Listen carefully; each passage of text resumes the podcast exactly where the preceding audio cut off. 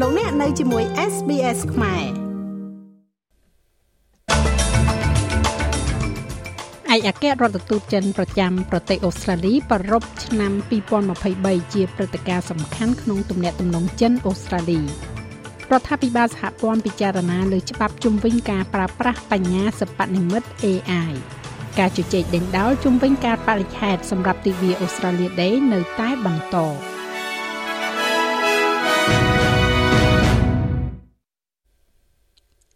ឯកអគ្គរដ្ឋទូតចិនប្រចាំប្រទេសអូស្ត្រាលីបានពណ៌នាឆ្នាំ2023ថាជាឆ្នាំនៃការអភិវឌ្ឍវិជ្ជមានក្នុងទំនាក់ទំនងចិនអូស្ត្រាលី នៅក្នុងសន្និសីទសារព័ត៌មានដ៏កម្រមួយ។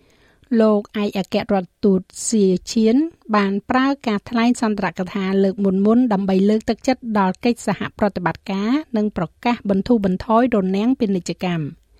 ការដាក់កំហិតពាណិជ្ជកម្មរបស់ចិននៅតែបន្តកើតមានលើផលិតផលអូស្ត្រាលីដែលមានដូចជាស្រាសាច់គោនិងបង្កងជាមួយនឹងការពិនិត្យឡើងវិញលើប្រព័ន្ធនាំចូលស្រាដោយប្រទេសចិនកំណត់ថានឹងបញ្ចប់នៅក្នុងខែមិនិនាលោកឯកអគ្គរដ្ឋទូតឈៀនមានប្រសាសន៍ថាមេដឹកនាំអូស្ត្រាលីនិងចិនបានដឹកនាំបុព្វហេតុសម្រាប់ការធ្វើឲ្យប្រសើរឡើងនៅទំនាក់ទំនងរបស់ប្រទេសទាំងពីរ ដោយយោងទៅលើជំនួបរវាងលោក Anthony Albanese និងលោកនាយករដ្ឋមន្ត្រីចិន Li Qian នៅឯប្រទេសឥណ្ឌូនេស៊ីកាលពីខែកញ្ញារួមទាំងដំណើរទស្សនកិច្ចរបស់លោកនាយករដ្ឋមន្ត្រីអូស្ត្រាលីទៅកាន់ប្រទេសចិនកាលពីខែវិច្ឆិកា Uh, I think uh, compared with the year before last ខ្ញុំគិតថាប្រប្រៀបធៀបទៅនឹងឆ្នាំមុន ឆ្នាំ2022ដែលខ្ញុំហៅថាជាឆ្នាំនៃស្ថិរភាពនោះខ្ញុំបានចាត់ទុកឆ្នាំ2023នេះជាឆ្នាំនៃការដោះដូរការកែលម្អនិងការសន្ទនាសម្រាប់ទំនាក់ទំនងចិនអូស្ត្រាលី ហើយជាមួយនឹងកិច្ចខិតខំប្រឹងប្រែងរួមគ្នា ពីភាគីទាំងពីរយើងបានដើរលើមាគ៌ាត្រឹមត្រូវក្នុងការកែលម្អនិងអភិវឌ្ឍទំនាក់ទំនងទ្វេភាគីរបស់យើង។ រដ្ឋមន្ត្រីក្រសួងឧស្សាហកម្មនិងវិទ្យាសាស្ត្រលោក Ed Husick មានប្រសាសន៍ថារដ្ឋាភិបាលសហព័ន្ធកំពុងពិចារណាទៅលើច្បាប់ជំវិញការប្រើប្រាស់បញ្ញាសិប្បនិម្មិតដែលយើងហៅកាត់ថា AI ដើម្បីធានាបាននូវការការពារកាន់តែរឹងមាំនៅពេលដែលបច្ចេកវិទ្យានេះរីកចម្រើនយ៉ាងឆាប់រហ័ស។ វាកើតឡើងបន្ទាប់ពីការឆ្លើយតបបណ្ដោះអាសន្នរបស់រដ្ឋាភិបាលចំពោះការពិគ្រោះយោបល់ឧស្សាហកម្មស្ដីពីការប្រើប្រាស់ប្រកបដោយការទទួលខុសត្រូវនៃ AI បទបញ្ញត្តិស្ដីពីការប្រើប្រាស់បញ្ញាសិប្បនិម្មិតនេះនឹងដាក់ការការពារជាកាតព្វកិច្ចសម្រាប់ការប្រើប្រាស់នៅក្នុងឧស្សាហកម្មដែលមានហានិភ័យខ្ពស់។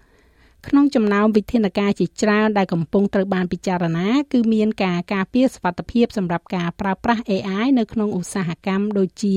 ហេដ្ឋារចនាសម្ព័ន្ធសំខាន់សំខាន់មានដូចជាទឹកនិងភ្លើងអគ្គិសនី សុខភាពនិងការអនុវត្តច្បាប់លោករដ្ឋមន្ត្រីហ៊ូស៊ីកមានប្រសាសន៍ថាវាមានសារៈសំខាន់ណាស់នៅក្នុងការត្រួតពិនិត្យឲ្យបានសមស្រប និងចាត់វិធានការទទួលខុសត្រូវដែលអាចរក្សានៅការតាមឲ្យទាន់ការអភិវឌ្ឍ AI ក្នុងល្បឿនយ៉ាងលឿន We we do need to be able to work with industry យើងត្រូវតែអាចធ្វើការជាមួយឧស្សាហកម្មនេះ លើឧទាហរណ៍ការបង្កើតនូវយន្តការសាកល្បងខណៈដែលប្រព័ន្ធកំពុងដំណើរការដើម្បីអាចសាកល្បងថាវាកំពុងធ្វើការតាមរបៀបដែលយើងមានចេតនាទុកជាមុន វាក៏មានដំណាភាពផងដែរដែលអ្នករចនាខ្លួនឯងបើកចំហអំពីរបៀបដែលពួកគេបានដំឡើងគំរូ AI របស់ពួកគេ ហើយនៅទីបំផុតក៏ត្រូវតែមានធាតុផ្សំនៃការទទួលខុសត្រូវប្រសិនបើអ្វីអ្វីមិនដំណើរការដោយដែលយើងត្រូវបានណែនាំឬវិធីដែលពួកគេមានបំណងក្នុងការរចនាឡើងអ្នកត្រូវតែទទួលខុសត្រូវជាអង្គភាពការជជែកដេញដោលជំវិញការបរិច្ឆេទសម្រាប់ទិវា Australia Day នៅតែបន្តខណៈដែលក្រុមប្រឹក្សាមូលដ្ឋាននានាទូទាំងប្រទេសផ្លាស់ប្តូរការបរិច្ឆេទនៃការប្រារព្ធពិធីបុណ្យជាតិនេះ។ តំបន់ Rockingham នៃទីក្រុង Perth ក្នុងរដ្ឋអូស្ត្រាលីខាងលិចគឺជាក្រុមប្រឹក្សាមួយក្នុងចំណោមក្រុមប្រឹក្សាសង្កាត់ទាំងនោះដែលបានសម្រេចចិត្តផ្លាស់ប្តូរការបរិច្ឆេទទៅថ្ងៃទី27ខែមករាវិញដូរចេញពីថ្ងៃទី26ខែមករាដែលមានភាពចម្រូងចម្រាសសម្រាប់មនុស្សជាច្រើន ដែលថាជាថ្ងៃសម្គាល់ពីការសម្លាប់រំគាលការស្លាប់និងការបាត់បង់ទឹកដីនិងវប្បធម៌សម្រាប់ជនជាតិដើមភាគតិចអូស្ត្រាលី Aboriginal ជាច្រើន។នៅឆ្នាំ2023រដ្ឋាភិបាលរដ្ឋ Victoria ក៏បានលុបចោលក្បួនដង្ហែទិវា Australia Day ដោយជ្រើសរើសជំនុំមកវិញនៅពិធីលើកទង់ជាតិនិងគោរពកំភ្លើងនៅឯទីសក្ការៈបូជានៃការចងចាំ Shrine of Remembrance នៅទីក្រុង Melbourne ទូរទស្សន៍ NITV បាននិយាយទៅកាន់សាធារណជននៅ Rockingham ដែលបានបង្ហាញពីអារម្មណ៍ចម្រុះចំពោះការសម្រេចចិត្តរបស់ក្រុមប្រឹក្សាសង្កាត់នៅក្នុងការផ្លាស់ប្តូរការបរិច្ឆេទនេះយ៉ាងដូចនេះ I don't think there should be Australia Day at all. Um, the land was already taken, if so to speak, when ខ្ញុំ they say Cook គិតថា came in. មិនគួរមានថ្ងៃ Australia Day តទៅសោះដីត្រូវបានគេដណ្ដើមយកទៅនិយាយទៅនៅពេលគេនិយាយថាលោក Captain Cook បានមកដល់ហើយនោះជាថ្ងៃ Australian Day នៅថ្ងៃទី26 អញ្ចឹងវាត្រូវបានគេយកទៅហើយប្រជាជនយើងរស់នៅទីនេះរួចហើយគឺប្រជាជន Nuga ហើយខ្ញុំជឿជាក់ដ៏ធំមួយថាមិនគួរមានទិវា Australia Day តតែសោះម្នាក់ទៀតនិយាយថាខ្ញុំផ្ទាល់មិនខ្វល់ទេហើយខ្ញុំស្គាល់មិត្តភ័ក្តិជាច្រើនហើយជាទម្លាប់ខ្ញុំចូលចិត្តអបអរវាជាថ្ងៃបុណ្យឈប់សម្រាកជាសាធារណៈ ម្នាក់ទៀតនោះនិយាយថាខ្ញុំមិនយល់ស្របទេខ្ញុំគិតថាវាគួរតែជាថ្ងៃទី26យើងមកអូស្ត្រាលីប្រហែល50ឆ្នាំមុនហើយនោះជាអ្វីដែលយើងដឹងលោកនាយករដ្ឋមន្ត្រី Anthony Albanese មានប្រសាសន៍ថាលោកមានឆន្ទៈនៅក្នុងការផ្ដល់ឲ្យគណៈកម្មការប្រកួតប្រជែងនឹងអ្នកប្រើប្រាស់អូស្ត្រាលីហៅកាត់ថា ACCC នៅអំណាចបន្ថែមទៀតដើម្បីធ្វើការស៊ើបអង្កេតរបស់ពួកគេទៅលើផ្សារទំនើប។ អតីតប្រធាន ACCC លោកសាស្ត្រាចារ្យ Alan Fell បានប្រាប់ទូរទស្សន៍ប៉ុស្តិ៍លេខ9ថា ACCC កំពុងសម្លឹងមើលថាតើអាជីវកម្មមួយដំឡើងតម្លៃទំនិញ10%សម្រាប់តែមួយថ្ងៃតែប៉ុណ្ណោះហើយបន្ទាប់មកក៏ផ្សព្វផ្សាយការបញ្ចុះតម្លៃ10%នោះវិញដែលនោះគឺខុសច្បាប់ក្រោមច្បាប់ប្រកួតប្រជែងថាជាការបំភាន់និងបោកប្រាស់ លោកនិយាយថាលោកនាយករដ្ឋមន្ត្រីក៏កំពុងឲ្យ ACCC ស៊ើបអង្កេតតម្លៃដែលលើសដែលគេមិនអាចធ្វើបាននោះទេបើគ្មានសំណើពីរដ្ឋាភិបាលប៉ុន្តែលោកសាស្ត្រាចារ្យ Fels មានប្រសាសន៍ថាការស៊ើបអង្កេតនេះមិនមានអំណាចច្រើនដើម្បីអនុវត្តអ្វីនោះទេ លើកលែងតែការអប់រំសាធារណៈនិងដាក់សម្ពាធទៅលើទីផ្សារទំនើប The excessive prices bid is quite hard to prove and តម្លៃដែលកំណត់លើសគឺពិបាកបញ្ជាក់ណាស់ហើយទោះបីជាវាលើសកម្រិតក៏ដោយក៏មិនមានអំណាចពិតប្រាកដនៅក្នុងការគ្រប់គ្រងដែរ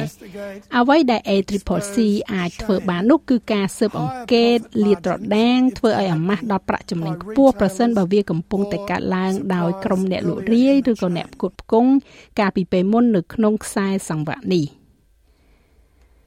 ការកំណត់ចំនួនប្រចាំឆ្នាំទៅលើការប្រគំតន្ត្រីនៅកីឡាដ្ឋាន Alliance នៅទីក្រុង Sydney នឹងត្រូវបង្កើនពី4ដងទៅ20ដង ដែលនឹងចាក់បញ្ចូលទឹកប្រាក់បន្ថែម120លានដុល្លារទៅក្នុងសេដ្ឋកិច្ចរបស់រដ្ឋនេះជារៀងរាល់ឆ្នាំការរឹតបន្តឹងនេះត្រូវបានណែនាំឡើងកាលពីជាង20ឆ្នាំមុនបន្ទាប់ពីការប្រគំតន្ត្រី Rolling Stones ដែលក្រោយមកអ្នកស្រុកបានតវ៉ាអំពីសម្លេងរំខាន។ បំរាមកោចរអំពីសម្លេងរំខាននៅម៉ោង11យប់នឹងនៅតែមាន លើកលែងតែព្រឹត្តិការណ៍ Mardi Gras បន្ទាប់ពីពិធីជប់លៀងប្រសិនបើវាត្រូវបានផ្លាស់ប្ដូរទីតាំងនាពេលអនាគតលោកអភិបាលរដ្ឋ Chris Minns បាននិយាយថាការផ្លាស់ប្ដូរនេះគឺជាជ័យជំនះដ៏ធំសម្បើមមួយសម្រាប់សេដ្ឋកិច្ចរដ្ឋ New South Wales និងជារឿងអស្ចារ្យសម្រាប់ការប្រគំតន្ត្រីបន្តផ្ទាល់ You can't turn a major international city like Sydney into a country town អ្នកមិនអាចកែប្រែទីក្រុងអន្តរជាតិដ៏ធំដូចជាទីក្រុងស៊ីដនីទៅជាទីក្រុងក្នុងតំបន់ជនបទនោះទេហើយខ្ញុំគិតថាមានការទទួលស្គាល់ពីមនុស្សភាគច្រើនដែលរស់នៅក្នុងទីក្រុងនេះថាប្រសិនបើអ្នកនឹងវិនិយោគត្រឹមជាង800លានដុល្លារនៅក្នុងកីឡាដ្ឋានមួយ វាមិនមែនគ្រាន់តែសម្រាប់ព្រឹត្តិការណ៍កីឡាប៉ុណ្ណោះទេ វាគួរតែសម្រាប់ការប្រគំតន្ត្រីធំធំផងដែរ ដូច្នេះការផ្លាស់ប្ដូរនេះគឺជាសុភវិនិច្ឆ័យមួយដែលវាគួរតែធ្វើតាំងពីយូរមកហើយ វានឹងប្រែកាយទីក្រុងស៊ីដនីរដ្ឋាភិបាលនិយាយថាការផ្លាស់ប្ដូរនេះនឹងមិនប៉ះពាល់ដល់ព្រឹត្តិការណ៍កីឡាលទ្ធភាពអតិបរមារបស់ទីតាំង ឬការរៀបចំការដឹកជញ្ជូននោះទេ របបកំហើញមហារាជសដន់ដោយក្រុមអ្នកវិទ្យាសាស្ត្រអូស្ត្រាលីបានជំរុញឲ្យមានក្តីសង្ឃឹមនៅក្នុងការព្យាបាលការពារទុកជាមុននៅពេលអនាគតប្រមាណជា70%នៃស្ត្រីដែលផ្ទុកហ្សែន BRCA2 ដែលខូចវិវត្តទៅជាជំងឺមហារីកហើយឥឡូវនេះក្រុមអ្នកស្រាវជ្រាវបានកំណត់ឃើញថាកោសិកាណាដែលទំនងជានឹងលូតលាស់ទៅជាដុំសាច់ ពួកគេក៏បានរកឃើញថាថ្នាំមហារីកដែលមានស្រាប់អាចពន្យាការលូតលាស់នៃដុំសាច់នៅក្នុងមន្ទីរពិសោធន៍ដោយផ្ដោតគោលដៅទៅលើផ្នែកជាក់លាក់នៃផលិតកម្មប្រូតេអ៊ីនរបស់កោសិកាការសិក្សានេះដឹកនាំឡើងដោយ Walter និង Eliza Hall Institute នៃការស្រាវជ្រាវវិទ្យាសាស្ត្រនៅទីក្រុង Melbourne ហើយបានចុះផ្សាយក្នុងទស្សនាវដ្តី Nature Cell Biology ដែលបានត្រួតពិនិត្យដោយក្រុមស្រាវជ្រាវផ្សេងទៀត។ ស្ត្រីជាច្រើនដែលមានហ្សែនខូចនេះវិវត្តទៅជាជំងឺមហារីកនៅវ័យក្មេងនៅក្នុងទម្រង់ធ្ងន់ធ្ងរហើយអ្នកខ្លះជ្រើសរើសធ្វើការវះកាត់សដន់ចោលដើម្បីការពារនិងកាត់បន្ថយហានិភ័យរបស់ពួកគេ។ នៅឯប្រទេសកម្ពុជាឯណោះវិញគឺបានចាប់ផ្ដើមបើកវគ្គបណ្ដុះបណ្ដាលជំនាញវិជ្ជាជីវៈនិងបច្ចេកទេសដល់យុវជនមកពីគ្រួសារក្រីក្រ និងគ្រួសារងាយរងហានិភ័យក្នុងគម្រោង1លាន5សែននាក់កាលពីថ្ងៃទី15ខែមករានៅវិទ្យាស្ថានជាតិពហុបច្ចេកវិទ្យាកម្ពុជាក្នុងរាជធានីភ្នំពេញ។ ក្នុងរយៈពេល2ខែគិតត្រឹមថ្ងៃទី5ខែមករាមានយុវជនប្រមាណ25,000នាក់បានចុះឈ្មោះចូលរៀនក្នុងវគ្គបណ្ដុះបណ្ដាលនេះក្នុងនោះមានប្រមាណជា40%មកពីគ្រួសារក្រីក្រនិងគ្រួសារងាយរងហានិភ័យ ជំនាញហ្នឹង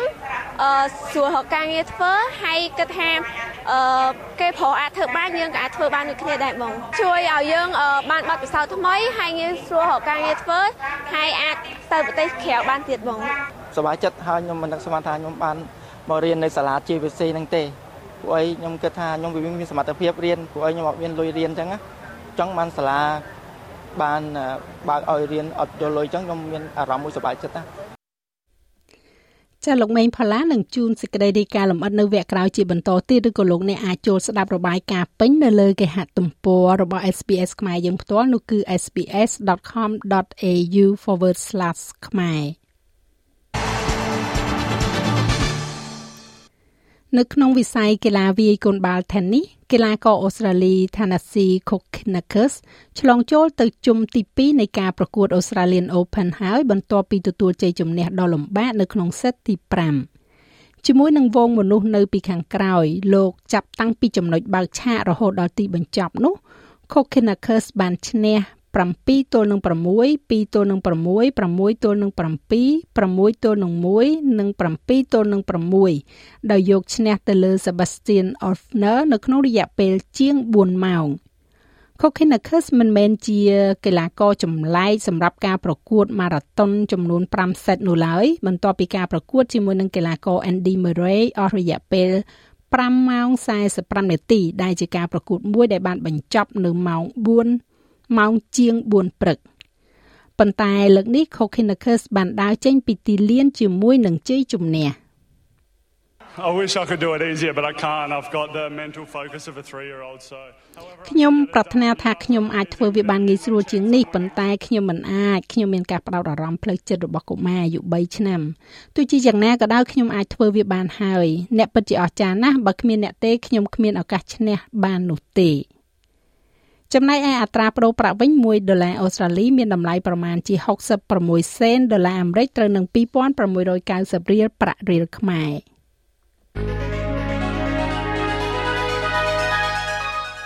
យើងក្រឡេកមកមើលការព្យាករណ៍អាកាសធាតុសម្រាប់ថ្ងៃប្រហ័សស្អែកនេះវិញទីក្រុងផឺតមានពពកដោយពេល28អង្សាដូចគ្នានៅអាដាលេដ25អង្សាមែលប៊ននឹងមានខ្យល់ហើយមានពពកដោយពេល21អង្សា ហូបាតរលឹមខ្លាំងឡើង21អង្សា Canberra ភាគច្រើនបើកថ្ងៃ25អង្សា Sydney មានពពកដោយពេល31អង្សា នៅ Brisbane រលឹមបន្តិចបន្តួច33អង្សា មានរលឹមផងដែរនៅទីក្រុង Cairns 32អង្សា Darwin មានរលឹមអាចនឹងមានព្យុះ31អង្សា និងនៅទីក្រុងភ្នំពេញ មានពពកដោយពេល33អង្សា